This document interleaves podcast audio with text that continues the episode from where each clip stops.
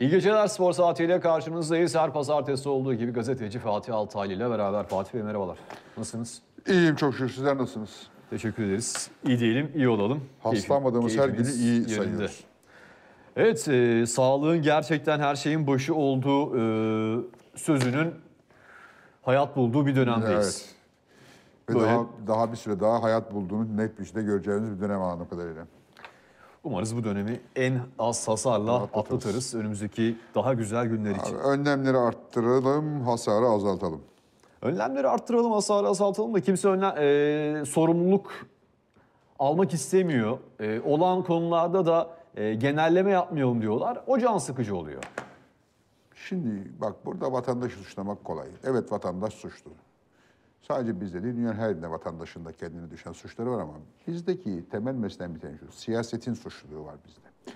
Yani şöyle söyleyeyim, siyasi parti kongrelerini yapıyorsanız ve bunları da e, lebalep diyerek bir övünç vesilesi haline getiriyorsanız vatandaşların dikkatli olmasını bekleyemezsiniz. Bakın o kongreye katılan siyasetçilerin içinde ölümler başladı. Bir belediye başkanı e, hakkın rahmetine kavuştu. E, keşke olmasaydı ama işte yaptığınız zaman sonucunu görüyorsunuz. O yüzden kimse vatandaşa kızmasın. Bu vatandaş-devlet ilişkisi imam cemaat ilişkisine benzer. Evet doğru. Doğru. E, hafta sonu Bodrum rallisi vardı. 27 Evet. yıl sonra e, rally Bodrum'a geri döndü. Heyecanlı da bir ralliydi. E, sonuçta e, beklenen kişiler kazandı, takımlar kazandı. Ama yarışın önüne geçen bir olay oldu maalesef. E, bugün bir açıklama yapıldı ve Bodrum Rallisi ve Türkiye Otomobil, Federa- Otomobil Sporları Federasyonu tarafından yoldan çıkan bir ekibin üyelerine müdahale edilmediğine dair asılsız bir ihmal iddiası üzerine rally merkezine gelerek organizasyon görevlilerini önce sözlü sonra da fiili olarak saldırmış. Kulüp yöneticilerimizden birisiyle bir güvenlik görevlisini darp etmiş ve kendi grupları içinde yer alan bir kişiyi silahla yaralamıştır ifadesi geçiyordu. Buradaki e, özne oyuncu sanatçı Mustafa Üstündağ. Onun ekibinden bahsediliyor. Kendisine sanatçı demeyelim. Sanatçı olmak başka bir şeydir. Ee, bu eşkıyalıktır. Ee, biliyorsun ben de hafta sonunda bir başka işimi, iki işimi birleştirerek e, Bodrum'da bu ralliye e, izleyici olarak e, gittim. Bir bölümünü izledim. E, bu olaydan yaklaşık 10 dakika kadar önce de tam oradaydım. Olayın gerçekleştiği yerdeydim. Biz ayrıldıktan sonra e, benim yanım, ben e, pilotlardan bir tanesini e, şeye götürmüştüm, e, otomobili alması için park yerine götürmüştüm. E, ben, ben olarak ayrıldıktan 10 dakika sonra bu olay e, olmuş. Olay başından sona bir rezalet. Birincisi şunu söyleyeyim. Çok iyi bir organizasyondu. Bodrum'da yeni kurulmuş bir e, otomobil kulübünün, Troy Otomobil Kulübü'nün organize ettiği, federasyonun doğrudan içinde olmadığı ama destek verdiği bir işti. Ve uzun zamandır Türkiye'de bu nevi bir yarış yapılamadığı için de rekor sayıda katılım vardı. 84 araç start aldı. Bod- 61'i bitirdi. 60 yıl bit- bir- bitirdi. Ee, bu zamanda pandeminin bu denli e, yüksek olduğu bir zamanda Bodrum'da yapılan ve puan olarak da Türkiye Şampiyonası'na puan verecek ama çok da yüksek puanlar olmayan bir yarışa bu denli asfalt e, yarışıydı. Bu, denli yoğun katılımın olması gerçekten çok hoştu. Ve e, rally öncesinde çok iyi bir ortam vardı. Herkes gayet keyifli. Bu sporu seven yani şöyle söyleyeyim 20 yaşındaki gençten 80 yaşındaki e, otomobil sporuna gönül vermiş kaybettiğimiz dostlarımızın geride bıraktığı eşleri falan e, orada da öyle bir heyecan vardı. Ve hakikaten çok iyi bir organizasyon e, oldu. Başından sonuna kadar tıkır tıkır işledi e, her şey. Gerek e, Troy Otomobil Kulübü'nü kutlamak lazım. E, gerekse bütün katılımcılara ve tabii destek veren federasyona ve tabii sponsorlara. Olay gayet iyi bir rally, hiçbir sıkıntı yok. Her rallide olduğu gibi yolda kalanlar oldu, arıza yapanlar oldu, otomobil kıranlar oldu falan filan. Ee, sonra işte bu Mustafa Üstündağ denen e, kişi. Oynadığı filmlerin etkisiyle kendini mafya zannediyor herhalde. Ee, çünkü işte böyle Kurtlar Vadisi falan filan gibi bir takım bitirim işlerde e, rol almış kendisi. Şimdi bu oyuncular arasında bu moda oldu böyle. O bitirim işlerde e, rol alanlar kendini bitirim zannetmeye başladı. Şimdi bu arkadaşı biz düzgün birisi zannettik yıllardan beri işte herhalde konservatuarlıdır falandır filan tiyatrocudur, miyatrocudur diye düşündük ama değilmiş. Geliyor orada Atıl Atılgan, bu rallinin organizasyonunu yapan kulübün e, yöneticisi. E, benim kardeşim falan diye, e, benim kardeşim yolda kalmış ona müdahale edilmemiş falan diyor. Kardeşim falan anlamadık ne kardeşi falan. Meğerse kardeşi değilmiş işte o bitirim e, raconunda. Tayfa. Kardeşim falan diyor. E, işte deniyor ki kendisine ya bir şey yok işte yolda kaldı kurallar gereği bütün araçlar geçtikten sonra yardım aracı girdi çekiciye yüklendi araç ve geliyor buraya bir sorun yok falan deniyor. Ondan sonra nitekim hakikaten çocuk da geliyor oraya. Ee, fakat bu orada kardeşim kardeşim falan filan büyük ihtimalle bir madde etkisinde. Yani normal şartlarda kimse böyle davranmaz. Çünkü kendisine yönelik bir tahrik falan da yok. Kendi kendine gaza gelmiş. Yani bence bir uyuşturucu testi falan yapılmalı e, o arkadaşa. Çünkü normal değil durumu yani. Ya da alkollü müydü bilmiyorum ama e, yani görüntülü seyrettim ben normal değil. Anlatılanlar da normal değil. Neyse Yani kendisine tepki, özür dilerim, kendisine tepki verebilecek son insanlardan bile değildir Atıl Atılgan bu arada. Onu Evet, söyleyeyim. aynen öyle. Ondan sonra işte Atıl diyor ki işte abi sakin ol makin ol falan filan var var var. Sonra telefon alıyor. "Ne, Gelin diyor buraya bilmem ne yapın falan diyor. Tüt bir araba geliyor abi. Ee, bir Mercedes. Ee, 27 plakalı bir Mercedes. Ne tam plakası hatırlamıyorum ama. İçinden üç kişi iniyor. Geliyorlar bu bir çadır gibi bir şey vardı. Ee, diyor ki çadırda beyaz elbiseli adam diyor. Geliyorlar çadırda beyaz elbiseli adam Atıl Atılgan. Geliyor daha hiçbir şey demeden birisi yumruğu bir koyuyor Atıl Atılgan'a. Atılgan burun küt yerde. Neyse ortalık bir karışıyor falan. Ee, bu arada yumruğu vuranı e, orada bulanlar yakalıyorlar ve şey e, arbede başlıyor ama yakalanıyor. Bunun üzerine birisi silah çekiyor oradan ve silah ateşliyor ama kendi arkadaşını vuruyor. O gruptan birini vuruyor yine. Tabii kendi ke- tayfasını kendi, vuruyor. Kendi e, tayfasından birini e, vuruyor.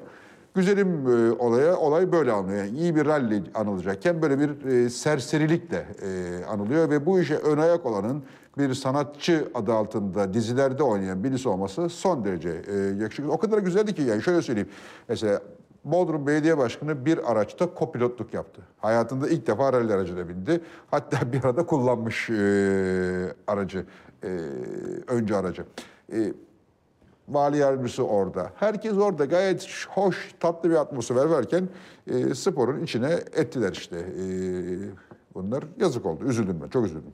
Ya bu güzel organizasyonun sonun bu şekilde bitmesi e, o zaman Aslında bunun organizasyona alakası yok. Orga- Organizasyon hala güzel. Her şey gayet iyiydi. Ee, bir rezillik, bir rezilin ortaya çıkması olayı e, farklı biçimde haber olması sebep oldu. Yoksa e, olay, rall- rallide hiçbir sorun yoktu. en azından şunu gösterdi bize. E, kimin kim olduğunu bir kez daha gördük. Aynen, aynen, aynen. Bu mafya dizilerinin e, mağduru sadece bunu izleyen gençler, çocuklar değil, oynayanlar da bu dizilerin mağduru anıkları. Onlar da kendini mafya etmeye başlıyorlar. Söyleyebilecek başka bir şeyim yok. Ben gerçekten üzüldüm. Neyse, geçelim. Ee, yine Ege'den devam edelim. Ee, Bodrum'dan İzmir'e geçelim. İzmir Maratonu ikinci kez düzenlendi. Evet. Maraton İzmir e, sürdürülebilir bir dünya temasıyla e, düzenlendi ve bir rekor kırıldı. Geçen hafta İstanbul Yarım Maratonu, bu hafta İzmir Maratonu rekorlar geliyor. Ülkemizde bugüne kadar koşulan en iyi süre olarak kayıtlara geçiyor. olmuş? 42 kilometrede e, 6 ülkeden 311 sporcu katılıyor. E, Etiyopyalı Seygaye Getachev 2.09.35'lik derecesiyle Türkiye'de en iyi maraton rekoruna 2.09. 2.09.35. İyi evet. derece, çok iyi derece. E, şimdi İzmir'in e, coğrafi konumu, denize olan yakını, Evet. e, İklimi. iklimi ve doğal olarak da tercih edilen pisti düşündüğümüzde e, rekor için iyi bir e, derece. İleriki yıllarda bu derece daha da aşağı çekilebilir mi? İzmir maratonu şartları karşılarsa e, gold kategoriye girebilir mi? E, Türkiye bir maraton ülkesi olabilir mi? Ya da maratonda bir şehir seçilebilir mi? Öyle sorayım. İzmir. Mersin olmadı. Bunu gördük. Mersin Mersin'deki olmaz. hava Mersin müsait değil. Çok fazla sıcak, olmamıştı. fazla nemli, e, çok müsait değil. İzmir müsait mi? Vallahi 2.09 iyi derece. Yani dünyanın en iyi derecesi değil. 2.01'ler koşuluyor artık maratonda. 2 saatin altına inecek yakında e, herhalde. Ama 2.09 e, iyi bir derece. İkinci kez koşulan bir maratonda e, katılım e, da baktığınız zaman çok yüksek e, düzeyde atletlerin katıldığı bir e, dünya çapında atletlerin katıldığı bir maratonda değil. O yüzden iyi derece. Gold kategoriye geçer mi? Abi sizin buraya yapacağınız yatırıma bağlı. Yani siz ne kadar ödül koyarsanız, ne kadar burada e, fazla para e, vaat ederseniz, diğer maratonlarla arasındaki zamanlamaya da baka- bakarsanız, diğer büyük ödüllü maratonlarla e, üst kategorilere çıkabilir. Ama dediğim gibi bu tamamen bir para ve ilgi meselesi. Organizasyon. Aynen. E, aklıma şey geldi şimdi e, siz bunu söyleyince hani diğer maratonlarla ilgili. E, rahmetli Ahmet Piriştina'nın belediye e, başkanı adayı olduğundaki İzmir'le ilgili hayali şuydu. E, İzmir'i bir Barcelona yapmak istiyorum demişti. Coğrafi anlamda sahil şeridini e, Barcelona şehri gibi e, değerlendirmek istiyorum demişti. Olmadı ama belki maraton bir Barcelona maratonuna ileriki yıllar dönüşebilir. Vallahi olur yani şimdi Barcelona Barcelona Barcelona Barcelona yapan şey sadece konumu değil. Konum, Deniz kenarı olması değil. Bir sürü şey var yani. E işte İzmir'de de bunları kazandırmak lazım. Doğru düzgün kazandırmak lazım. Şimdi Barcelona dediği zaman Barcelona bir deniz kenarı şehri değil, bir sanat şehri. E, pek çok farklı sanatın önemli temsilcileri e, ve Katalan sanatının da önemli temsilcileri e, Barcelona'da.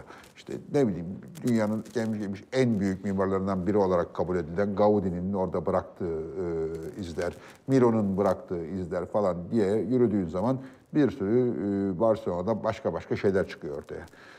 E, tabii İspanyol kültürü de, e, ne doğrusu İber Yarımadası'nda oluşan geçmiş kültürler de burayı e, etkiliyor. İzmir'de kıymetli, Barcelona'da kıymetli. İzmir Barcelona'ya geçer mi? Bence geçebilir. Geçmesi de gerekmez. Ba- Başka bir e, şehir olarak kıymetli bir şehir olabilir. E, ve İzmir bu hedefe uzak bir şehir de değil baktığın zaman. İzmir kıymetli bir e, şehrimiz. Bence Türkiye'nin en şahane şehirlerinden herhalde ilk ikiye girer. kendi markasını yaratabilecek en önemli adaylardan bir tanesi diye düşünüyorum. Ee, Cumhurbaşkanı Sen İzmir'sin değil mi? e, aslen başka bir yer ama e, Türkiye Bulgaristan'a göçmeniyiz. Öylesin 90 ama- senesinde geldik. İzmir'e yerleşmiştik. İzmir olan aşkım sevgim başka. 56. Cumhurbaşkanlığı bisiklet turu. E, geçen yıl pandemi nedeniyle yapılamamıştı. E, Nevşehir'den start verilecekti ama kar yağışından dolayı onu Konya'ya çektiler. 80 kilometrelik bir ilk etap oldu. E, başladı bakalım nasıl bitecek. 25 takım 175 sporcu. Şa- şanslı havalarında kötü gittiği bir Nisan, e, soğuk bir Nisan e, yaşıyor Türkiye.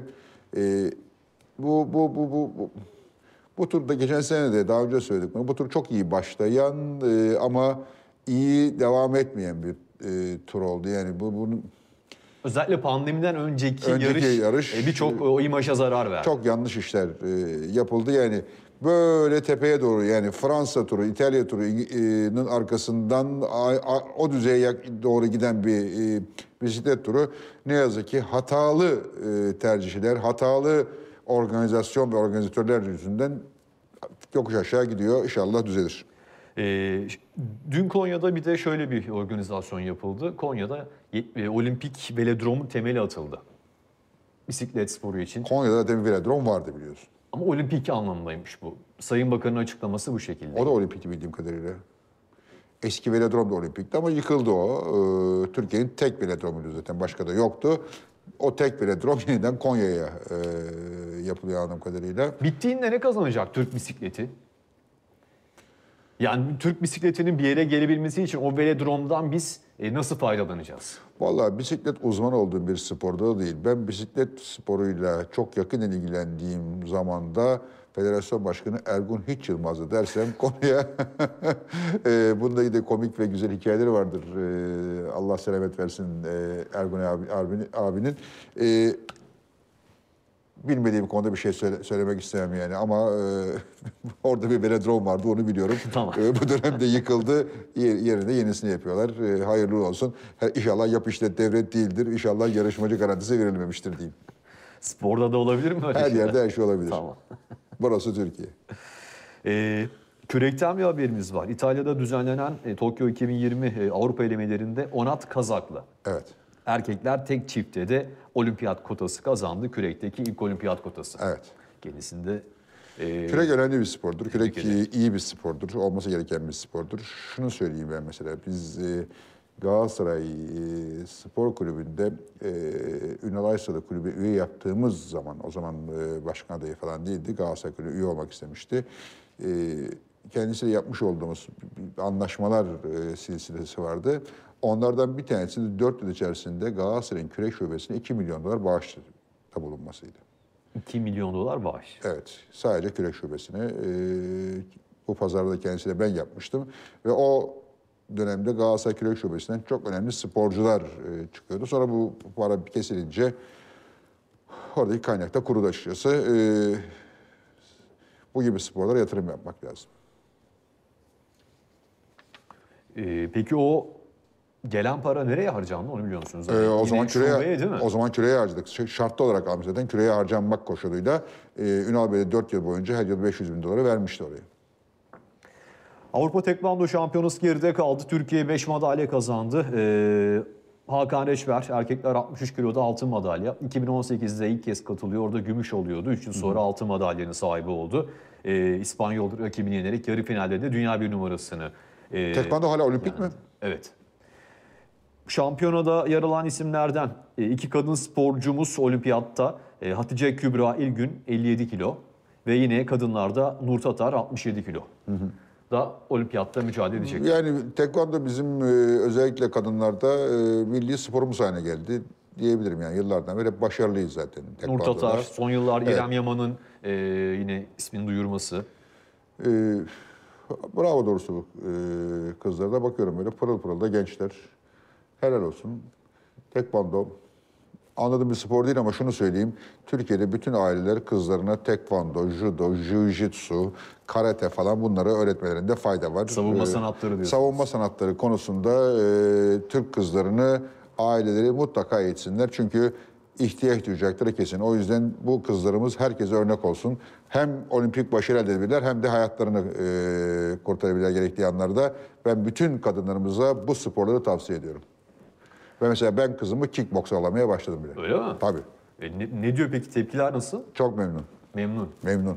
Evde ufak bir antrenman yapıyor musunuz? Ee, yok yaşım geçti artık. Kodumu oturtur beni o yüzden. Umarız geleceği parlak olur. İnşallah, inşallah ihtiyaç inşallah e, kızlarımızın, kadınlarımızın bu sporlarla edindikleri becerilere ihtiyaç e, sosyal hayatta, sivil hayatta ihtiyacı duymadıkları bir Türkiye'de yaşarlar ama ne yazık ki o günlere daha var. O yüzden bunları öğrensinler. bu gibi temelleri e, art- nasıl dileğiyle gerçekleşmesi olumlu anlamda dileğiyle. Oh, oh.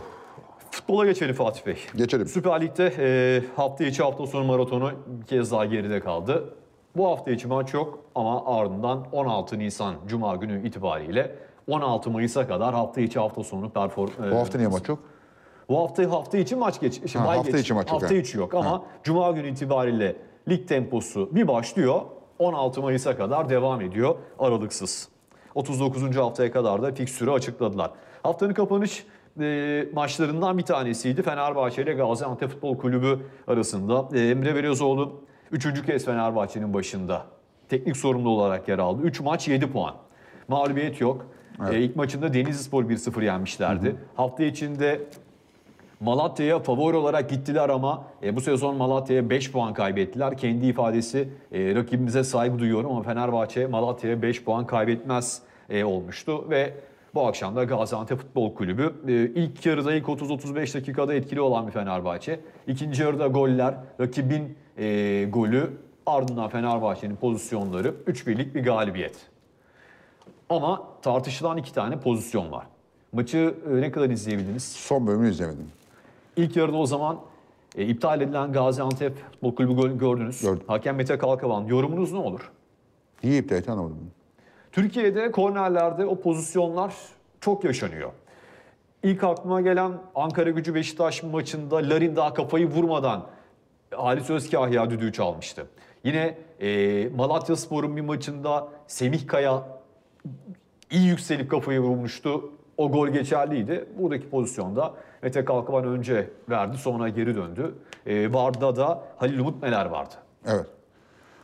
Halil Umut Meler herhalde e, FETÖ'cü olmadığını kanıtlamaya çalıştı diye düşünüyorum. İçeride dışarıda tartışmasından sonra. Ee, bakın ben FETÖ'cü değilim demek istedi herhalde. Bilmiyorum. Yani bana sorarsan gol de o gol. Ee, ama tabii hakem e, ne hani vardı ya ağanın şeyinin üstüne şey konmaz diye hakemin lafının üstüne bir şey koymak mümkün değil.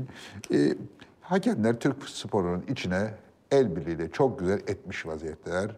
Ee, ellerine sağlık demeyeceğim çünkü elleriyle etmediler. Popolarına sağlık diyeceğim çünkü popolarıyla ettiler ee, Türk futbolunun içine.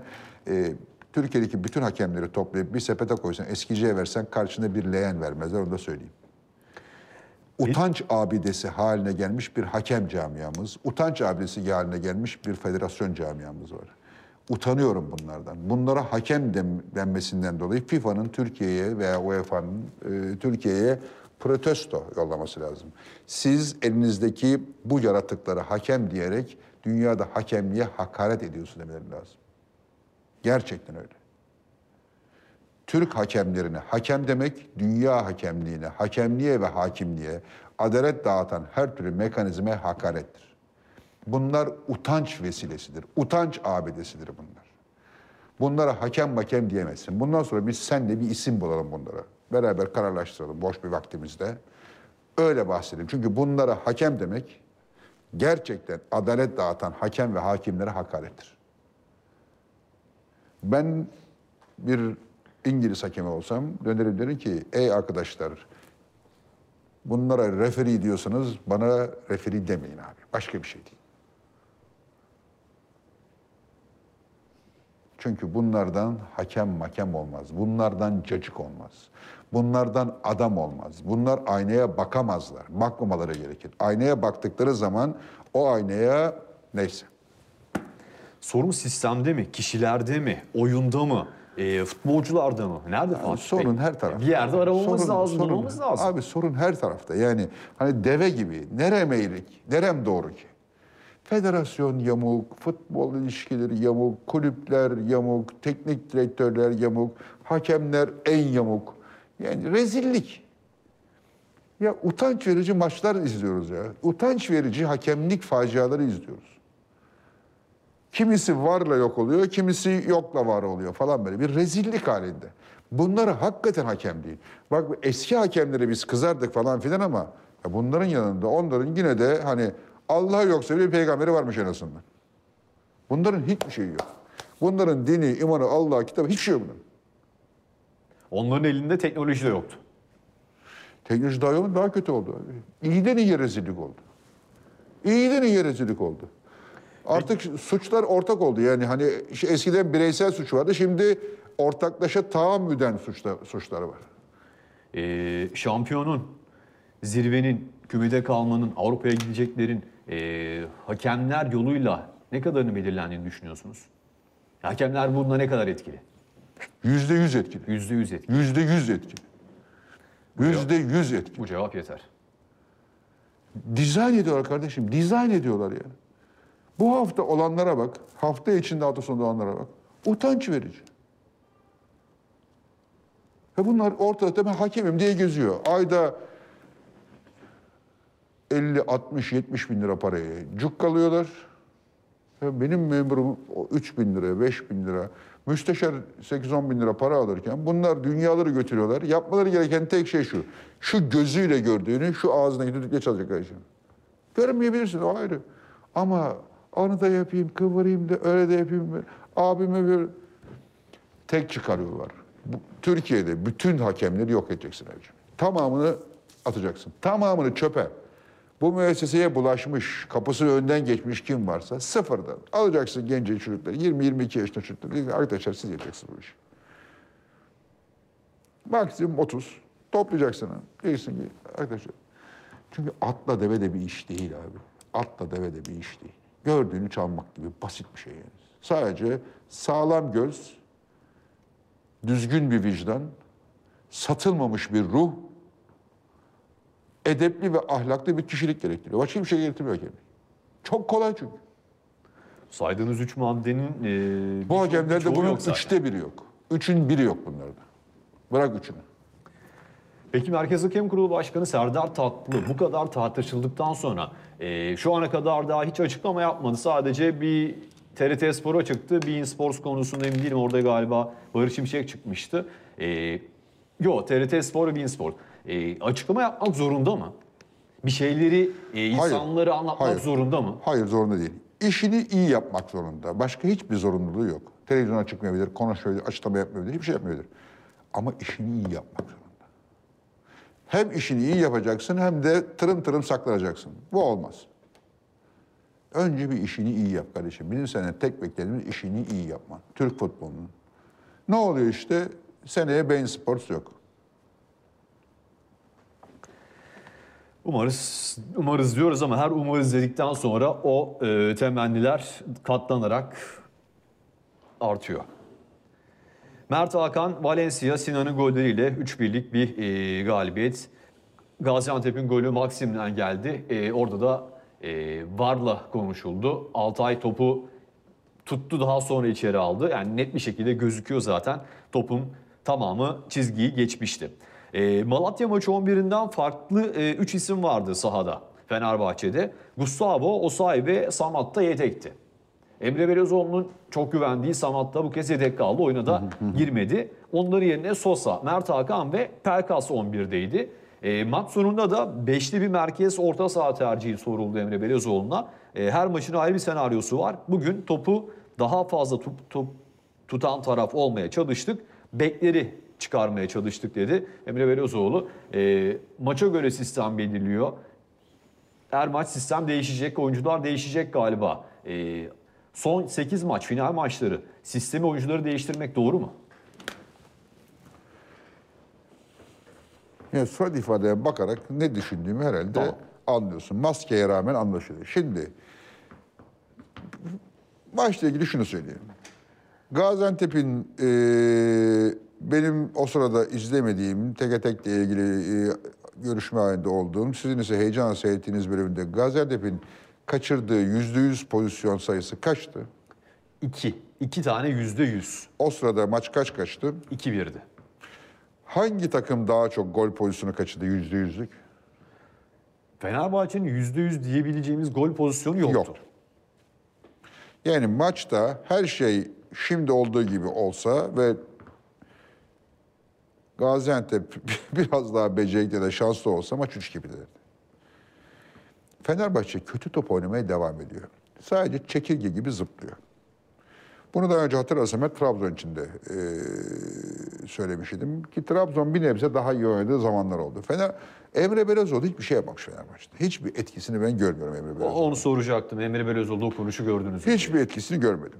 Ama hani şok mok yaratır falan bir şok mok da yaratmamış gördüğüm kadarıyla. Ama söyledi, söylediği laflar bu teknik direktörlük meselesiyle göre kafasında çözmesi gereken çok şey olduğunu gösteriyor. Şimdi elbette ki böyle Emre Belözoğlu kadar futbol alanında tecrübeli olmam mümkün değil. Emre benden çok daha tecrübeli, çok daha bilgili. Ama Emre'nin şunu bilmesi gerekiyor ki Emre Belözoğlu'nun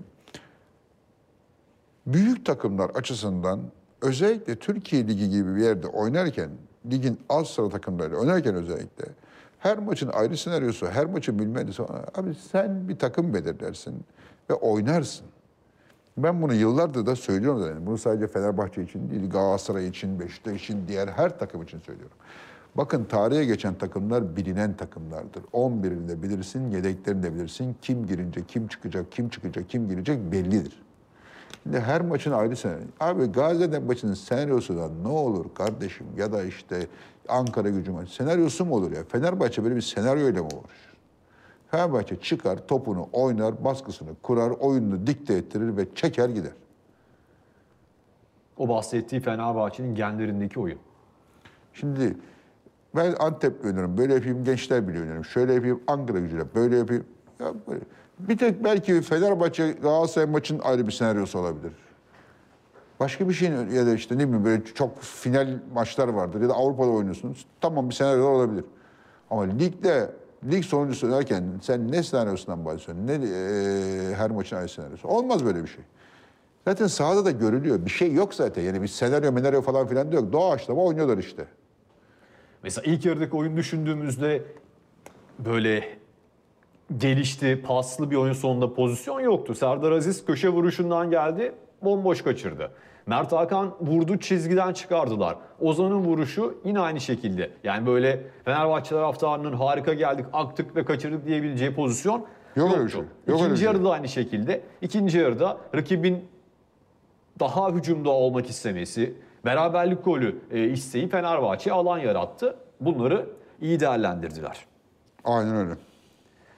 E, hafta içindeki maçla ilgili de şunu söylemek gerekiyor. E, 1-1 biten Malatya Spor maçında orada e, Valencia frikikten gol attı. Valencia şu anda e, 7 gole ulaştı. Fenerbahçe'nin en golcü ismi. Bugün sahada forvet olarak Valencia vardı yani.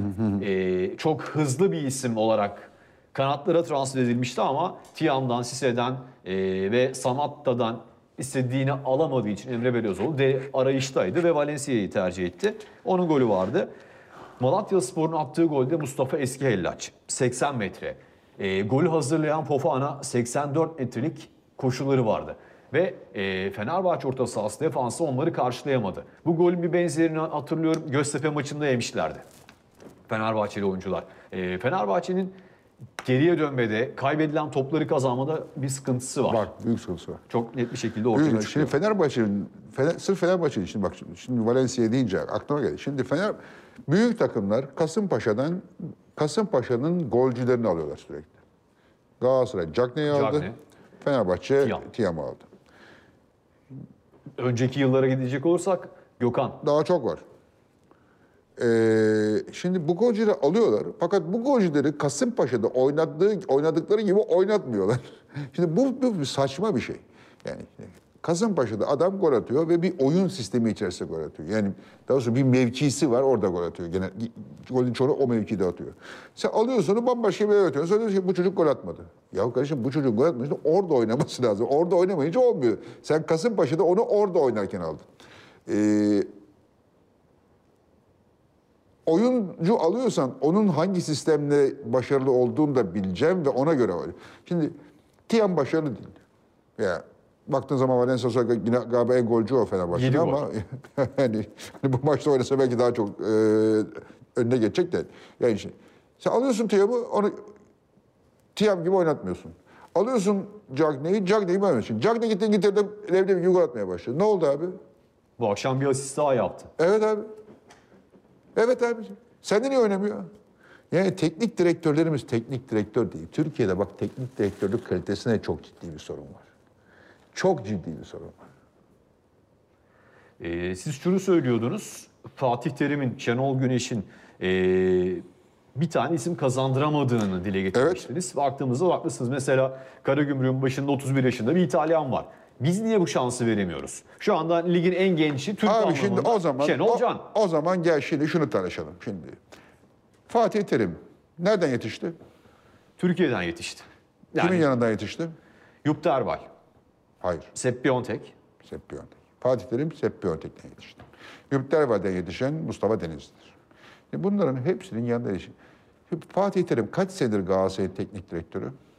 96'dan bu yana geldi. Gidişleri geri saymazsak sonuçta 25 sene. 25 sene bunun işte 3-4 senesi milli takımda gerisi Galatasaray'da bir de kıs- kısa süren bir Avrupa macerası var. Peki Fatih Te- Terim'in yanından yetişmiş bana bir tane teknik direktör söyle. söyleyemiyorum kusura bakmayın. Bırak Galatasaray'da onun yerine gelmeyi başka bir takıma gitmiş ve başarılı olmuş bir teknik direktör yardımcısı söyle Fatih Terim'in. Var mı? Yok. Şenol Güneş'in var mı? Yok. Yani bir Ünal Karaman'ı şu an biraz önde diye sayabiliriz. Onun ekibindeydi çünkü. Mustafa Denizli'nin var mı? Maalesef. Şimdi bak meselelerden bir tanesi bunların hiçbirinin yanı bunların altında ot bitmemiş kardeşim. Ama özellikle 25 yıl Galatasaray'da ve milli takımda e, istikrarlı bir şekilde devam etmiş bir Fatih Terim'in yanında kimse yetişmemişse orada bir mesele vardır. Demek ki bunlar kendine rakip olacak kimseyi yetiştirmek istemiyorlar.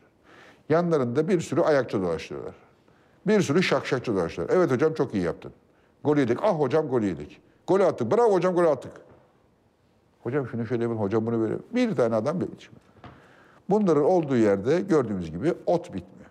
Peki bunu biraz önce bahsettiğiniz hakemlerin durumuyla teknik direktörlerin durumunu bir tutabilir miyiz? En azından aynı bakabilir miyiz? Memleketin durumunu bir tutabiliriz. Tamam. ya. Bırak hakemle teknik direktörleri.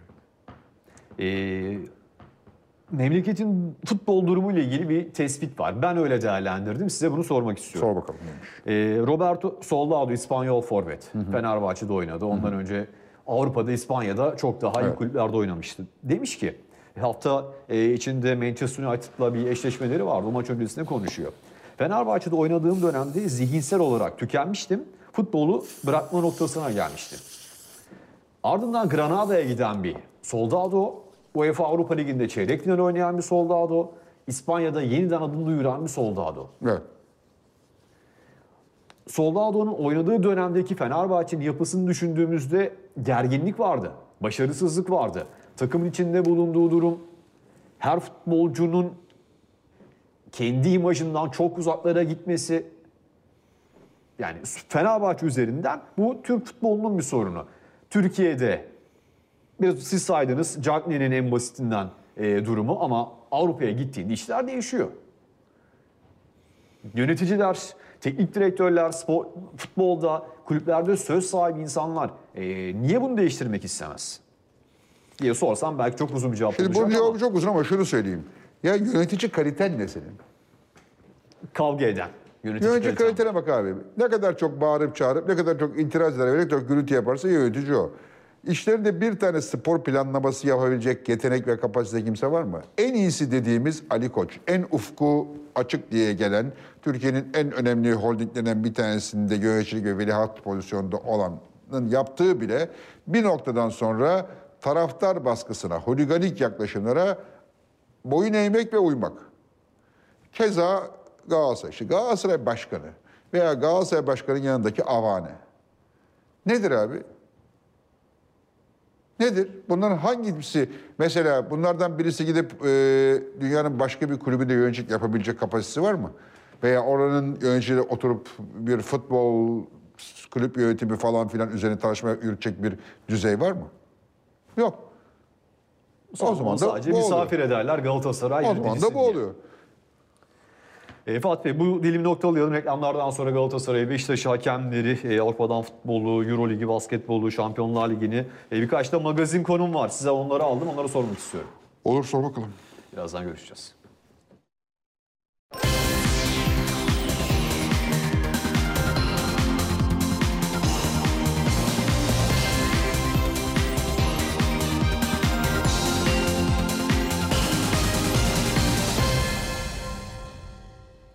Spor saatine devam ediyoruz reklamların ardından. Süper lideri Beşiktaş hafta içinde Alanya Spor 3-0 yendi. O duraklama dönemini atlattı. Fenerbahçe beraberliği. Kasımpaşa mağlubiyetinin ardından e, korkulan bir maçtı Beşiktaşlar için. E, Alanya Spor'un etkili oyun düşündüğümüzde e, ama oradan çok rahat bir oyunla o bilindik Beşiktaş oyunuyla 3-0 e, galip ayrıldılar. 38 yaşındaki Atiba'nın 3 asisti vardı. Cenk Tosun, Gezal, Enkudu'nun golleriyle tekrardan o e, zirve yolunu tutunmuşlardı. E, dün de Erzurumspor deplasmanında 4-2 kazandılar. İlk yarıda 4 gol, kaleci hatalar öne çıktı, bireysel performanslar öne çıktı. E, ardından da ikinci yarının e, ilk İkinci yarının Beşiktaş adına ilk şutu Gezal ve gol 3-2 ardından da Gökhan Töre 4-2 biten bir e, karşılaşma. Gezal 3 gol 14 asist. Larin 15 gol 4 asist. İkisi de forvet değil, ikisi de kanat oyuncusu. Beşiktaş'ın kanat oyuncularından aldığı katkı ortada ve şu anda da şampiyonun en güçlü adayı. Evet. Erzurumspor maçı Beşiktaş'ın artık eskiden gazeteler şampiyon atarlardı. Beşiktaş şampiyon diyebiliyor muyuz? Diyemiyoruz. Ee, demek de e, dediğim gibi kolay kolay mümkün e, olacak gibi durmuyor. Son iki haftaya kadar bunu da demek e, çok doğru değil. Çünkü 3 puan sisteminde her, her an her şey olabilir ama 5 şampiyonla en yakın tabii ki Beşiktaş. Şimdi hafta içine dönmek lazım önce. E, Alanya maçı. Bu maçtan daha önce bahsetme fırsatımız oldu mu? Olmadı. Olmadı. Şimdi bu maçtan sonra epey bir gürültü koptu. İşte şike, Etik tartışmaları, şike şikedir, tartışmaları yapıldı. şudur budur falan filan. Bunlar ayıp şeyler. Ee, neymiş işte o ona ustan demişti, o ona çırağım demişti, o öyle yapmış da bu böyle yapmış da bütün yapılan da bir tane kale önünde boş kaleye atılamayan gol. Değil mi? Boş kaleye atılamayan gol. Diğerinde de e, Gezal'ın golünde kaleci e, Marafona'nın elini uzatmaması ama bununla ilgili Türkiye'de her maç sayısız pozisyonlar oluyor. Yani ben e, Galatasaray kalecisi Muslera'na da benzer şekilde o zaman da zamanlarda hatırlıyorum. Şimdi yani böyle kalkıp da ho diye ayaklanmak her zaman çok doğru bir şey değil. Bu ayaklananlar Galatasaraylılarda oldu, Fenerbahçelilerde oldu, e, bir sürü kulüp taraftarı ayaklandı. Alanya Spor Ayıptır. şöyle bir açıklama yaptı. Ee, maçtan bir gün önce kaldığımız otele en yakın noktada olduğu için Ümraniye Nevzat Demir tesislerinde yaptığımız seyretmanı farklı yerlere çekiliyor. Fatih Bey yöneticilik yaptınız. Galatasaray'a e, hiçbir takım gelip seyretmanı yapmadı mı? Fatih Terim döneminde ben Galiba yapmadı, benim dönemde yapmadı. Baştan Fatih Terim döneminde yani Terim derken bu dönemde ben yap- Adana Demirspor'un geldiğini biliyorum. Ya Süper takımların geldiğini abi. biliyorum. Fenerbahçe tesislerine gidildiğini biliyorum ki zaten futbolcular da bunu söylüyor. Bunun nesi garip? Hiçbir gariplik yok. Gizlice yapılan bir şey değil ki üstelik de. Açık açık yapılan bir şey. Yani bun- bunda bir gariplik yok. Gariplik zihniyetlerde. Abi zihniyet garip yani. Zihniyet garip. Böyle her şeyi lekelemek e, amacıyla hareket etmek çok doğru bir şey e, değil. Sonuçta Alanyaspor'un e, benim gördüğüm kadarıyla çok pırlanta gibi, pırlanta gibi demeyeyim, demeyeyim o kadar da kefil olacak hali yok ama iyi bir teknik direktörü var. Düzgün işler yapmaya e, çalışıyor. Ve herkesin her zaman bir takım idolleri oluyor. Yani Şimdi Emre Belezoğlu da kendisine hayran olan bir takım oyuncuların, e, teknik direktörlerin olduğu yerlerle maç yapacaktır. Fatih Terim keza öyle bir sürü e, maç yaptı tarihi boyunca. Böyle suçlamalar birincisi çok ayıptır bütün camiler arasında. Çünkü herkes her an böyle şeylere karşı karşı kalıyor. Özellikle Galatasaray, Fenerbahçe, Beşiktaş'san e, senin hayranların, senin dostların, senin kardeş kulüplerin ya da seni sana e, değer veren e, bir takım kurum ve kişilerle karşı karşıya geldiğin oluyor. Bunların hepsine şike ya- ya- yakıştırması yaptığın zaman e, o zaman işte ne bileyim e, İsmail Kartal'ın yönettiği bir takımda Fenerbahçe maç yaptığında al başına belayı veya ne bileyim işte keza işte Galatasaray'ın e, eski oyuncularının teknik direktörlük yaptığı yerlere maç yapınca bunlar ayıp şeyler. Onu, onu geçelim. Ee, Beşiktaş tabii o maçta oldukça sallandı ve oldukça zorlandıktan sonra ki normaldir güçlü bir rakipti. Ee, arkasından 4-2 kazandı değil mi? 4-2. Gezal'ın iyi bir oyuncu olduğunu ve Beşiktaş açısından çok şey, çok manası olduğunu, çok şey ifade ettiğini e, ligin başından beri sıklıkla vurguladık. E, buna da haksız olmadığımızı Gezel bize bir kez daha e, gösterdi. E, Fener, Beşiktaş e, çok fazla sayıda mevkiden çok fazla sayıda gol alıyor. E, skor katkısı e, alıyor ama açık söylemek gerekirse mesela şeyin golü çok şaşırdım ben. E, son golüne Beşiktaş'ın. Gökhan Töre mi? Gökhan Töre'nin. Ne zamandır böyle bir slalom yapmıyordu. Gökhan Töre'nin böyle bir şeyi herhalde bir 5-6 yıldır ben en görmemiştim. son Bruges maçı. Evet. Yani birdenbire Gökhan Töre'nin e, böyle bir havaya girmesi e, hoşuma gitti. Maç bitince gerçi e, maçın artık sonuydu ama e, yine de e, iyiydi. E, Tabii maçlar maçlar e, farklı ruh halleriyle e, oynanıyor e, zaman zaman. Bilemiyoruz tabii. Dediğim gibi daha şampiyon demek için Beşiktaş çok erken. İşte puan farkı şu anda 4 değil mi? Evet. 4 ama aslında şimdi Fenerbahçe'de bir bay e, olacağını göz önüne e, alırsak Beşiktaş, e, Fenerbahçe'nin kalan maçları fikstürü var. E, Onları hazırlamıştık. Oradan bakalım. Bu hafta Başakşehir'le oynayacaklar. E, Ardından bay geçecekler. yani şu anda Galatasaray'ın devam 4 puan edecek. önünde Fenerbahçe aslında bir puan önünde de olabilir. Galatasaray'ın bir maç eksiği var. Beşiktaş'ın 4 e, puan gerisinde ama 7 puan gerisinde olabilir. Çünkü Beşiktaş'ın da e, bir maç eksiği var. Yok o yüzden evet, Pardon. takımları rakiplerden dolayı. Ha, rakiplerden dolayı. E, o yüzden de yani bu bay Şu fikstüre baktığınızda Fenerbahçe 66 puanda. Başakşehir ardından bay haftası Kasımpaşa, Alanya, Erzurum, Ankara gücü, Sivas, Kayseri Spor. evet. Büyük takımlarla oynamayacaklar ama, Ama e, dedim Fenerbahçe küçük takımlar daha çok puan kaybediyor. Şimdi burada baktığın zaman zor maçlar. Kasımpaşa maçı çok zor maç. Alanya Spor maçı zor maç. Başakşehir, Fatih Bey kümede kalma. Başakşehir kümede düşebilir yani. Başakşehir zor maç. Ee, değil bence. Başakşehir'i yenerler diye düşünüyorum Tamam. ben. Ee, Ankara gücü Ligin for, Hikmet Karaman'la beraber form Evet. grafiği arttı. Arttı, aynen arttı. Sivas Spor zor maç, Kayseri Spor çok zor maç değil. Yani e, Fenerbahçe burada kolay kolay maçlar yapmayacak. Tamamı e, zor maç.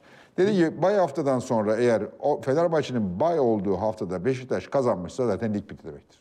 O zaman Beşiktaş'ın da kalan maç fikstürünü e, rica edelim. Onların da rakiplerini görelim. 70 puandalar. Ankara gücüyle oynayacaklar Cuma günü. O bahsettiğiniz Fenerbahçe'nin bay haftasında Sivasspor deplasmanına Evet. gidecekler. Oradan çıkacak sonuç e, İşi bitirtir. işi bitirir. Kayseri Spor, Rize Spor, Hatay Spor, Galatasaray 41. hafta e, Karagümrük Göztepe deplasmanları. Bakalım bunun ne olduğunu göreceğiz. Evet, ne olduğunu Beşiktaş'la göreceğiz. ilgili iki tane konuğumuz var Fatih Bey. E, bir tanesi maç sonu Sergen Yalçın'ın aslında sizin dediğinizi e, bunu soracaktım. Hani bu ligde kimse 8'e 8 yapamaz diyor. Bundan sonra her maçı final maçıymış gibi oynayacağız diyor. Hani artık Doğru söylemiş. oyun 90 dakika akan futbol kanatlardan bindirme olmayacak. Kazanılması nasıl gerekiyorsa öyle kazanacağız diyor Sergen Yalçın. Ee, süreyi verimli kullanmak açısından o sesi e, kullanmayalım ama Cenk Tosun'un sakatlandığı pozisyonla ilgili. Önce e, Sayın Spor Bakanı'nın e, bir sesi var onu rica edelim.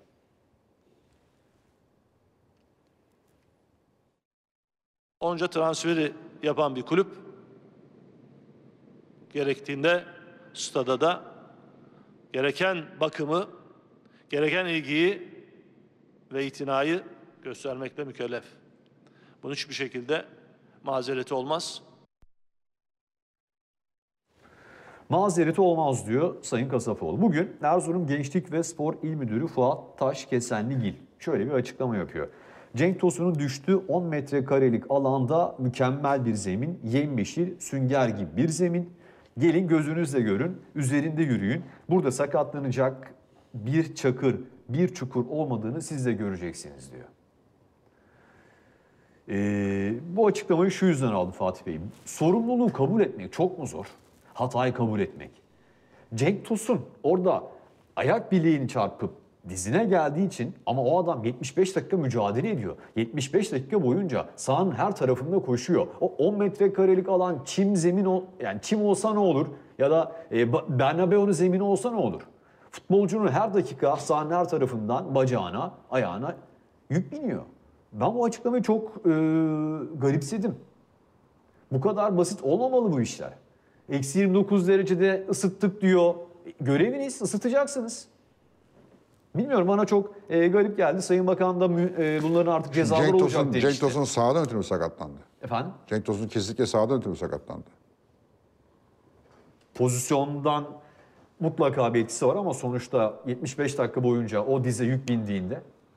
Oğuzhan da şunu söylemişti maç sonunda. Maç öncesinde zeminin ıslatılmasını istedik ama kabul etmediler demişti. E, Zemin taş gibi. Mutlaka bir etkisi vardı Fatih Bey. Şimdi şöyle söyleyeyim. Cenk'in de hani diz sakatlıklarının daha öncesinde olduğunu söyleyelim. Şimdi şöyle söylemek lazım. Şimdi Trabzon Türkiye'nin en soğuk, en karlı, en e, doğa şartlarının çetin olduğu ve aslında bir futbol sahasını korumak için çok da uygun olmayan bir e, iklime sahip kentimiz. Trabzon'da zemin şöyle söyleyeyim. O zemini ıslatırsın. ıslattığın attığın su donar. Bu sefer de ıslattılar buz üstünde oynadık denir. Yani Erzurum'u da biraz anlamak lazım. Yani İstanbul'daki İstanbul ikliminde bile sahalara bizim koca koca kulüplerimiz bakamazken Trabzon ikliminde sahanın bir miktar kusurlu olmasından e, ötürü Trabzon'u çok ağır pardon Erzurum. Erzurum'u çok ağır suçlamak gerekir diye e, düşünüyorum. Tabii ki ideal olan sahaların şahane olması ama yani, yani Erzurum'u al götür İngiltere'ye o iklim koşullarıyla orada da sahası çok iyi olmayabilir. Ee, ol- olabilir de olmayabilir. Ben benim burada rahatsız eden hiç sorumluluk kabul etmemesi. Biz suçsuzuz demesi. Kışın baktık, yazın baktık demesi. Ama Yani o işte sonuçta o da- zeminle ilgili bir sıkıntı var ortada. Yani daha düzgün konuşabilmiş tabii ki. Saygı E. Galatasaray Malatya deplasmanında Feguli sakatlandı. Evet, o günden aynısı. beri verim alabildi mi Galatasaray Feguli'den? Al- Alamadı. Bunun- Malatya ile Erzurum aynı değil. Yani. O, o, o açıdan söylemek istedim. Çok soğuk bir yer Erzurum ve hakikaten kar o kadar çok yani kar yağdığı bir gün bir, bir, saha mahvoluyor ve aylarca düzelmiyor İstanbul veya şey Anadolu takımlarında. Erzurum'da kar olmayan gün yok. O açıdan söyledim onu. Doğru mesela hani Rusya Avrupa'nın en soğuk yeri ama sonuçta orada da bir şekilde Evet doğru başarılabiliyor. söylüyorsun. Onda da sen haklısın. Doğru söylüyorsun. Evet, e, Beşiktaş'la ilgili notlar bunlar. E, dediğim gibi Sergen'in sesini süreden dolayı e, vermedik. Ve Galatasaray'a geçelim. Haftanın açılış maçı. Larından bir tanesiydi büyükler adına. Evet. Ligin ilk yarısında kaybettikleri Karagümrük mücadelesi ve bu sefer yine puan kaybettiler. Bir birlik, beraberlik e, en daha öne geçti. Karagümrük 59'da 3 dakika sonra Babel 1-1 yaptı. Ee, ama pozisyonlardan, gollerden ziyade e, tartışmalı pozisyonlar var maçta. Onlar çok konuşuldu. Kimse golleri konuşmadı. Nedir bunlar? Ha, şunu da söyleyelim. Son 6 maçta Galatasaray'ı bir kez kazandığını. Evet. Orayı, kimi yendiğini hatırlıyor musunuz? Hatırlamıyorum. Kayseri. Kayseri. Babel'in önce el pozisyonu sağ göğsüyle yumuşatıp eliyle düzelttiği pozisyon. Mustafa Muhammed'in golü iptal edildi. Ali Palabıyık elle oynama dedi. Doğruydu. Pozisyon da temiz. Evet. Ee, Deandre Yedlin lens pozisyonu. Rezalet. Donk Sobi'ye kırmızı kart pozisyonu. Rezalet. Kerem'in e, Balkoviç'te olan pozisyonu. Önce penaltı, var incelemesi, penaltı kırmızı kart iptal edildi. Buradaki görüş. Yani şu- tırnak parmaklarıyla dokunmadan penaltı. Yani öyle gözüküyor ben. Gördüğüm kare bu değil de sanki buydu. Evet. Haklısın. Ama ona rezalet diyemem ama diğer ikisi rezalet hakikaten. Şimdi mesela o e, lens pozisyonunda futbol oynamış isimler şöyle yorumluyordu. Ayağını orada çekemez diye. Sizin görüşünüz bilinç Fotoğraf- tecrübeli bir futbolcu. Sana fotoğraf yollayayım göstereyim mi? Tabii tabii. Çok güzel. KJ'yi de alırsak Yazıyı arkadaşlar. oraya koyduğunuz zaman şahane görünüyor arkadaşlar. Öbürünü de alamıyor muyuz? Ge- O da Resmi yukarı çıkarabiliyor muyuz biraz? alıyorlar, hepsini alıyorlar. Açıyorlar Fatih Bey.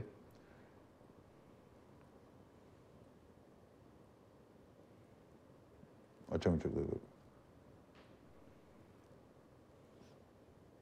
Alttan. Hah. Tamam. Pozisyon bu. Lens'in eee, topa vurduktan sonra, topa Lens'in vurduğunu söyleyelim izlemeyenler için. Ardından da artık eee, ayağını çekti, çekmedi, hamle yapabilirdi, yapamazdı tartışmaları. Nasıl yorumluyorsunuz? Ben yorum yapmıyorum. dışında. Ben yorum yapmıyorum. Bu fotoğrafa bakan herkes kendi yorumunu kendi yapabilir. Ali Palabıyık'ın o zaman e, bir art niyetli ya da e, yine standartsız zaten standart yok ama Ali Pala- Palabıyık çok net bir biçimde Galatasaray düşmanıdır. abiciğim. bu tespit yapabiliyorsunuz. Kesinlikle. Bütün tarihçesine baktığın zaman görüyorsun bunu zaten. Aklınızda hangi maçlar var mesela? Şimdi ben hızlıca düşünüyorum. Say say bitmez. Yani kariyerinin başlangıcından itibaren hatta ilk yönettiği maçlardan itibaren Galatasaray'la ve Terim'le problemlidir Ali Palabıyık. Ve bunu giderek tırmandırmıştır. Giderek yukarı çıkartmıştır. Bu Galatasaray futbolcularda da kendisine karşı bir ön yargı oluşması sebebiyet vermiştir. Ama bu maçta Ali Palabıyık tek başına değil. Ha bak şunu söylemiyorum. Galatasaray bu maçı kazanır demez. Onlar ayrı konuşuyorlar. Galatasaray galibiyeti hak eder etmez. Galatasaray'da iğrenç işler oluyor. Galatasaray'ın teknik direktörlük felaketiyle karşı karşıya oldu falan. Onlar ayrı konular. Ben sadece hakemler diyorum. Yani Kasımpaşa maçında yaşananlar, Galatasaray maçında yaşananlar. Şimdi tam ak- aklıma gelmedi. Bir sürü maçta yaşanan böyle böyle böyle o kadar çok olay var ki, o kadar çok çirkinlik var ki. Ya, kastım bu yani. Hake, hakemlik bitmiş. Bitik. Standart yok. Var nerede devreye girer, nerede girmez.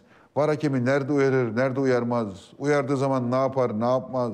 Hiç belli değil. Bir felaket. Bir rezalet, bir alçaklık, bir satılmışlık, bir kokuşmuşluk. Rezillik. Görüyorsun. Ve durduk yerde, durduk yerde kötü hakemlikten ötürü Sanki Fatih Terim ve Galatasaray şahaneydi de hakeme takıldı gibi bir durum ortaya çıkıyor. Ya Galatasaray ve Fatih Terim zaten rezaletler. Fatih Terim başından sonuna rezalet. Başından sonuna rezalet. İki maçta yaptıklarını çocuk yapmaz. Bak benim bir tane kızım var. Allah bağışlasın bana 20 yaşında falan. 20 yaşında falan 20 yaşında. Hayatında futbol maçı da seyretmemiştir. Muhtemelen bir veya iki maç seyretmiştir belki. Üç maç izleteyim. Üç maç. Bak futbol böyle bir şey falan filan diye. Sonra da Galatasaray'ın teknik direktörü yapayım. Fatih Terim'in hafta içi oynadığı maçta yapmış olduğu hataları yapmaz kardeşim. Neydi o hatalar? Yanlış takım, yanlış kurgu, yanlış oyuncu, yanlış... Ne de hatalar değil. Hatası olan bir şey var mı diye soracaksın. Başından sonuna bir felaket. Başından sonuna bir felaket. Değişiklikler, değiştirmemeler, sabit fikirler. Fatih Terim sanki ben Galatasaray'dan, beni Galatasaray'dan kovacaklar bari hak edeyim de öyle kovsunlar havası içerisinde. Diyor ki bu yönetim bende çalışmak istemiyor. Bunlar tekrar seçilse benimle çalışmazlar. Bari ben öyle bir ortam hazırlayayım ki benim kovulduğuma herkes memnun olsun. Başka, ba- bunun başka bir izahı yok çünkü. Hiç kimse bu kadar kötü bir teknik direktörlük yapmaz. Hele 25 yıldır Galatasaray teknik direktörlük yapan birisinin bu kadar kötü teknik direktörlük yapma hakkı yok bence. Nereye takılıyor peki Fatih Terim? Fatih Bey hani hangi noktada neden oyun içindeki hamlelerini e, geliştiremiyor, geliştirmek istemiyor da göremiyor?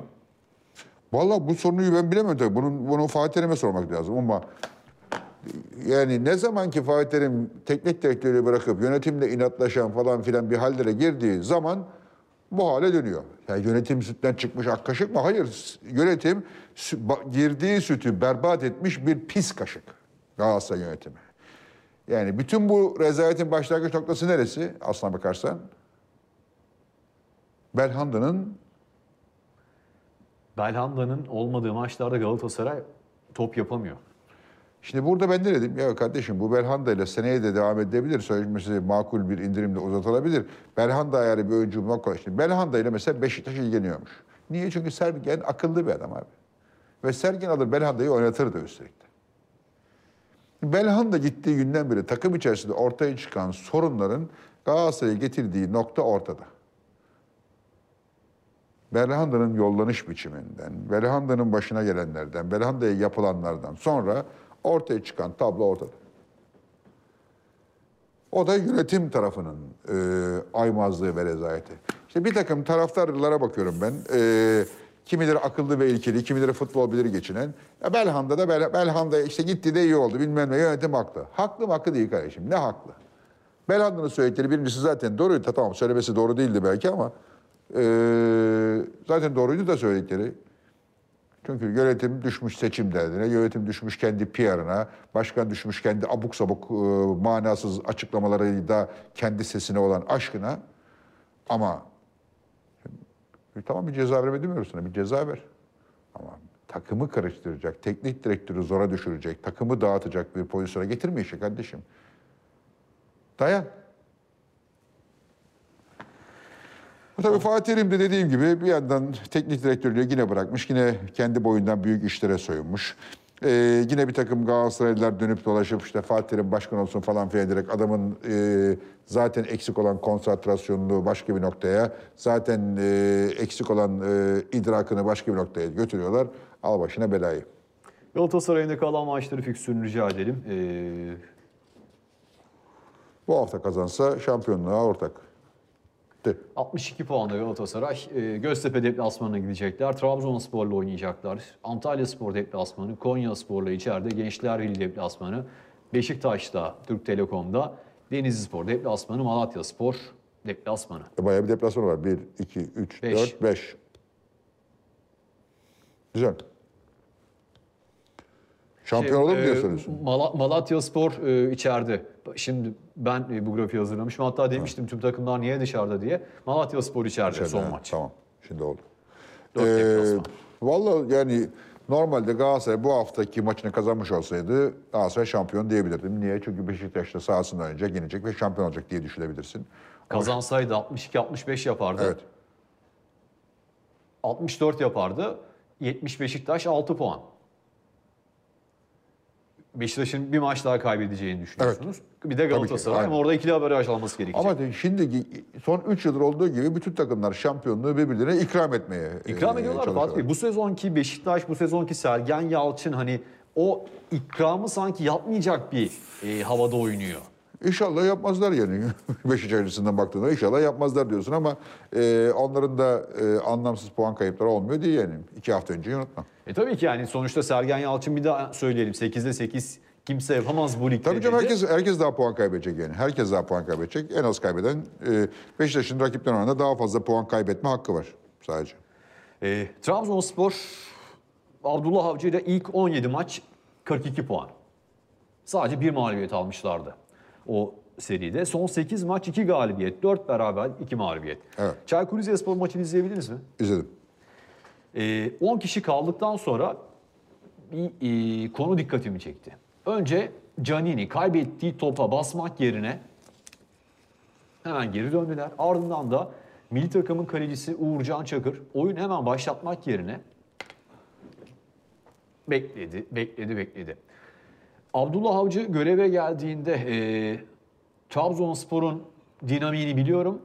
Ben de bu e, toprağın çocuğuyum. Trabzonspor'un ne beklediğini biliyorum demişti.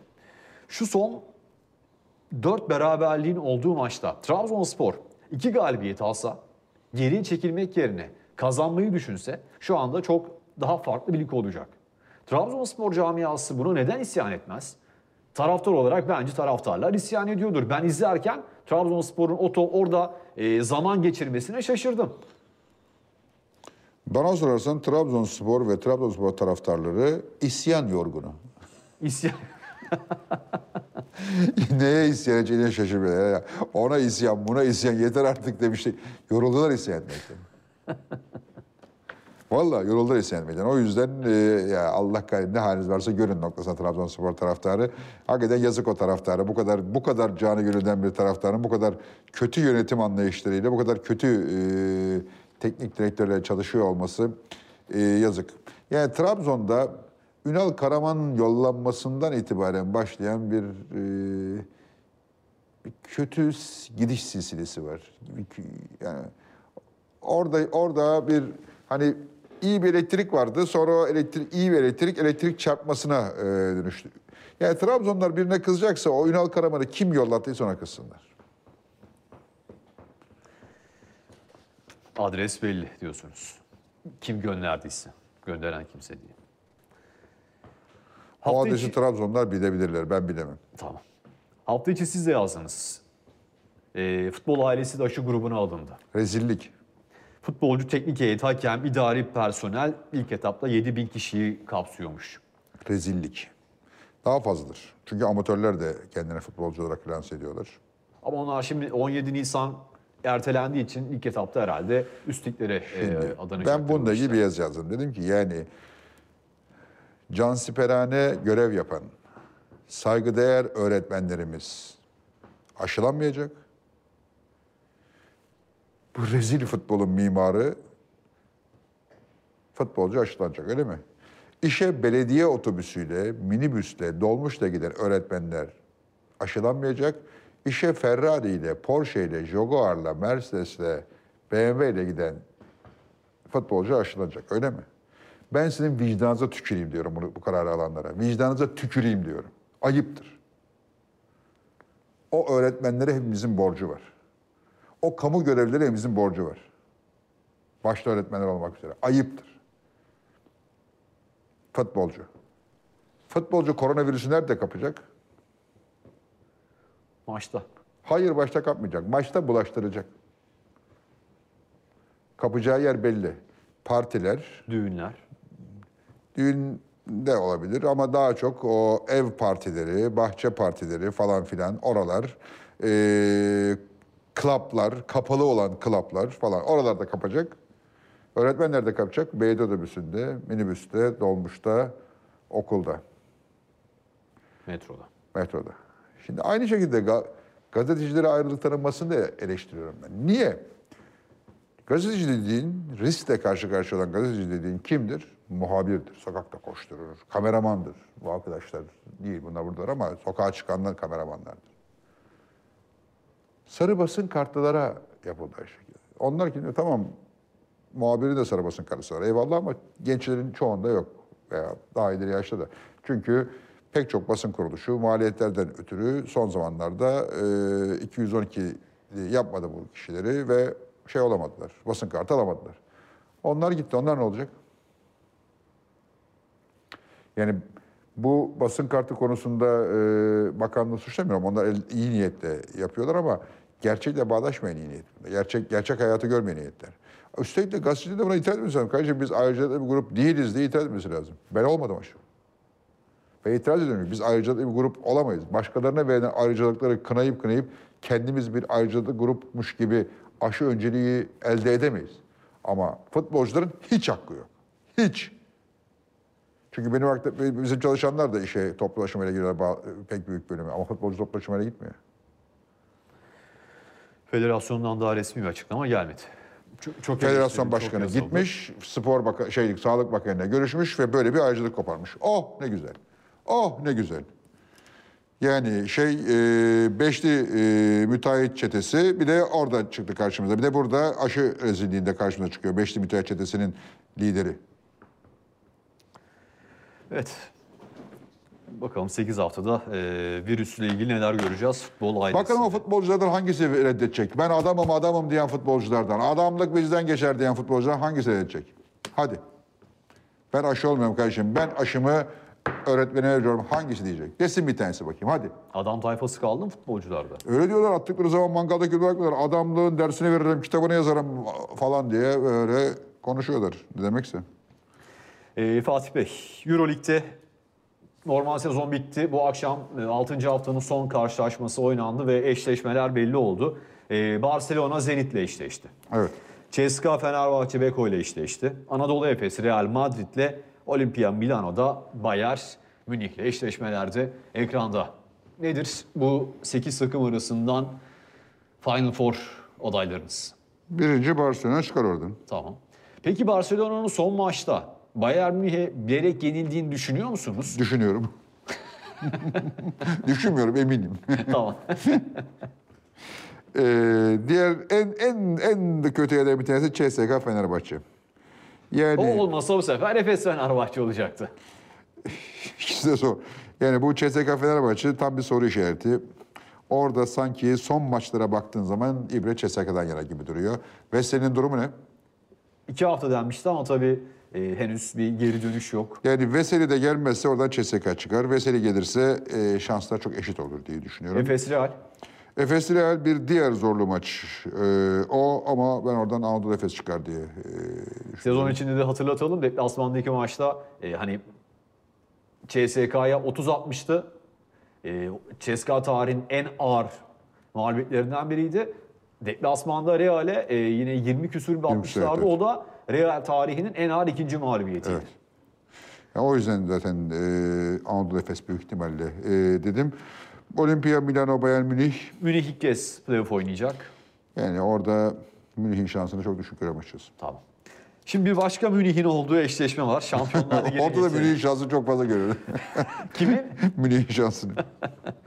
Ee, son yıllarda hani Ronaldo Messi'nin o El Clasico dedikten sonra e, Bayern Münih kadar heyecanlandıran bir takım şu anda bence Avrupa diyor. Geçen sezon Liverpool'du. Evet. City, City Lig'dekiyle Şampiyonlar Ligi'nde bir değil. Bunlar ilk maçların sonuçları. Madrid Liverpool'u 3-1 yendi. City Dortmund'u 2-1 yendi. Çok zorlandı. çok zorlandı. Ee, Paris Saint Germain Mbappe faktörüyle Münih'i e, 3-2 yenmeyi başardı. Son e, geçen sezon Münih'in Barcelona'yı... Deplasmanda se- 3-2 yenmeyi başardı. Evet deplasmanda yani e, geçen sezon Münih'in Barcelona'yı 8 attığı maçtan sonra son bir yıl içindeki en keyifli futbol maçıydı Evet, bana göre. çok güzel maçtı. E, ve yarın akşam rövanş var. Ve Chelsea Porto deplasmandan 2-0'la galip ayrıldı. E, kimler kalır yarı finalde sizin gönlünüzden kimler kalır? Valla benim gönlümden geçen Liverpool, Dortmund, Bayern Münih, Chelsea kalsın isterim ben. Ama gördüğüm kadarıyla Liverpool kalamayacak, Real Madrid kalacak. Oradan Manchester City Dortmund maçı çok kıran kırana geçer. Ee, Dortmund'un kalma ihtimali kuvvetlidir. E, kuvvetli gibi e, duruyor. Ama tabii Guardiola'nın da ne çakal olduğunu unutmuyoruz orada. Ama City'li Guardiola henüz yarı final göremedi. Görmedi şimdiye kadar evet ama e, bu kez biraz yakın e, gibiler fakat favori Dortmund senin söylediğin gibi. Bayern Münih PSG ilginç bir skordu. E, Mbappe büyük oynadı ama şeyi de unutmamak lazım. E, Neymar'ı mı? Brezilyalıyı da unutmamak lazım. E, o da çok çok çok iyiydi. Özellikle e, ikinci maçta. goldeki o gelişine, Ya ortasını, baktığın pasını zaman diyelim. e, futbol zekasına Mbappe'nin futbol zekasına bu maçta şapka çıkaracak bir şey yoktu ama onun fizik gücüne şapka çıkartırsın fakat şeyin e, Neymar'ın. Neymar'ın futbol zekası, sahayı görüş, okuyuş ve görüp okuduktan sonra da ona uygun bir şekilde muazzam paslar verişi e, çok e, hakikaten e, göz alıcıydı. Son zamanlarda seyrettiğim en güzel maçlardan bir tanesiydi. Bayıla bayıla seyrettim. Hatta e, sonra tekrarını da seyrettim işin acayibi. E, hatta karım delirdiğime e, hükmetti. Ben tekrarını seyretseydim Süper Lig'de bu hafta maç seyredemezsin. E, Porto Chelsea maçı ise çok derece kötü, kalitesiz, iğrenç bir maçtı. E,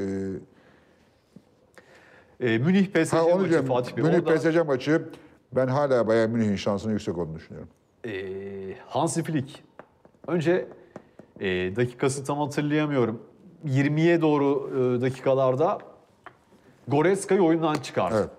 Sonra 41'de Süle'yi oyundan çıkardı. Boateng'i oyuna aldı. Evet. Bir teknik direktörün değişikliklerin ilk nedeni e, e, Paris Saint Germain'den Marquinhos sakatlanıp çıkması. Marquinhos o dakikaya kadar en iyilerden bir Çok tanesiydi. iyiydi. Çok iyi kesti, kademeye girmişti. Hemen yaptı. 41'de Boateng'in daha tecrübeli olması. Teknik direktörlük dersi vardı. Muazzam bir karşılaşmaydı. Ben oradan çok etkilendim. Bu arada teknik dersi var derken doğru ders mi yanlış ders mi o da- o da tartışılabilir yani. Ee, Kazanmak için bir hamle yapıyor. Evet. 41'de kimse kim değiştirir Türkiye'de? Kimse, Kimse. değiştirmez. Kimse. Yani o uzatması, takım havasını yakalamış 2-1 ee, yanaşan bizi keyifli mücadele Evet, çok bekliyor. çok çok güzel bir maç olacak diye düşünüyorum. Ben Bayern Münih hala finale yakın. Ama isterim ki e, Pochettino da güzel bir bir şey yapsın isterim yani. Final gördü ya. Evet. Gördü Liverpool'a yenildiler değil mi? Evet. Yazık oldu. Ee, iç uzaylı gördünüz mü? Ee, uzaylı ben görmedim. Uşak civarında görülmüştü ve köylüler uzaylılara taş atmışlardı e, diye hatırlıyorum Türkiye'de. E, zaman zaman uzaylı görenler e, oluyor fakat daha sonra onları uzaylılar önce şişenin dibini gördüğü anlaşılıyor. Acaba yani kimse yanlış anlamasın. Uzaylılar yok demiyorum. Sadece görenlerin salladığını düşünüyorum. e, Gareth Bale bu konuda görüşünü dile getiriyor. E, takım arkadaşıyla katıldığı bir TV programında diyor ki uzaylıların varlığına inanıyorum diyor. Ama ben inanıyorum ayrı bir şey. Ama gördüm demiş. Gördüğünü söylüyor ama. Gördüğünü söylüyor. Ee, Gareth Bale Amerikan hükümetinin yayınladığı bir UFO görüntüsü vardı. %100 uzaylılar var. Buna %100 eminim. Ben kendim de UFO gördüm. Demiş Gareth Bale. bizzat görmüş mü? Vallahi helal olsun. Ee, nerede gördü acaba? Pub çıkışı mı gördü diye düşünmüyor değilim yani. Ee, inşallah görmüş. Ben de görmek isterim ee, bir e, UFO. Ama o- burada sanki UFO bizzat kendisiymiş gibi duruyor. Ee, Antoine Griezmann, Barcelona'nın Fransız e, oyuncusu. Çok acayip bir denk mi getirmişler diyelim, planlamışlar mı diyelim Fatih Bey. Üç Bom. çocuğu var. Griezmann. Griezmann'ın çocuğu varmış. Evet, Maşallah. üç kız çocuğu. Allah. Oo süper. En güzeli.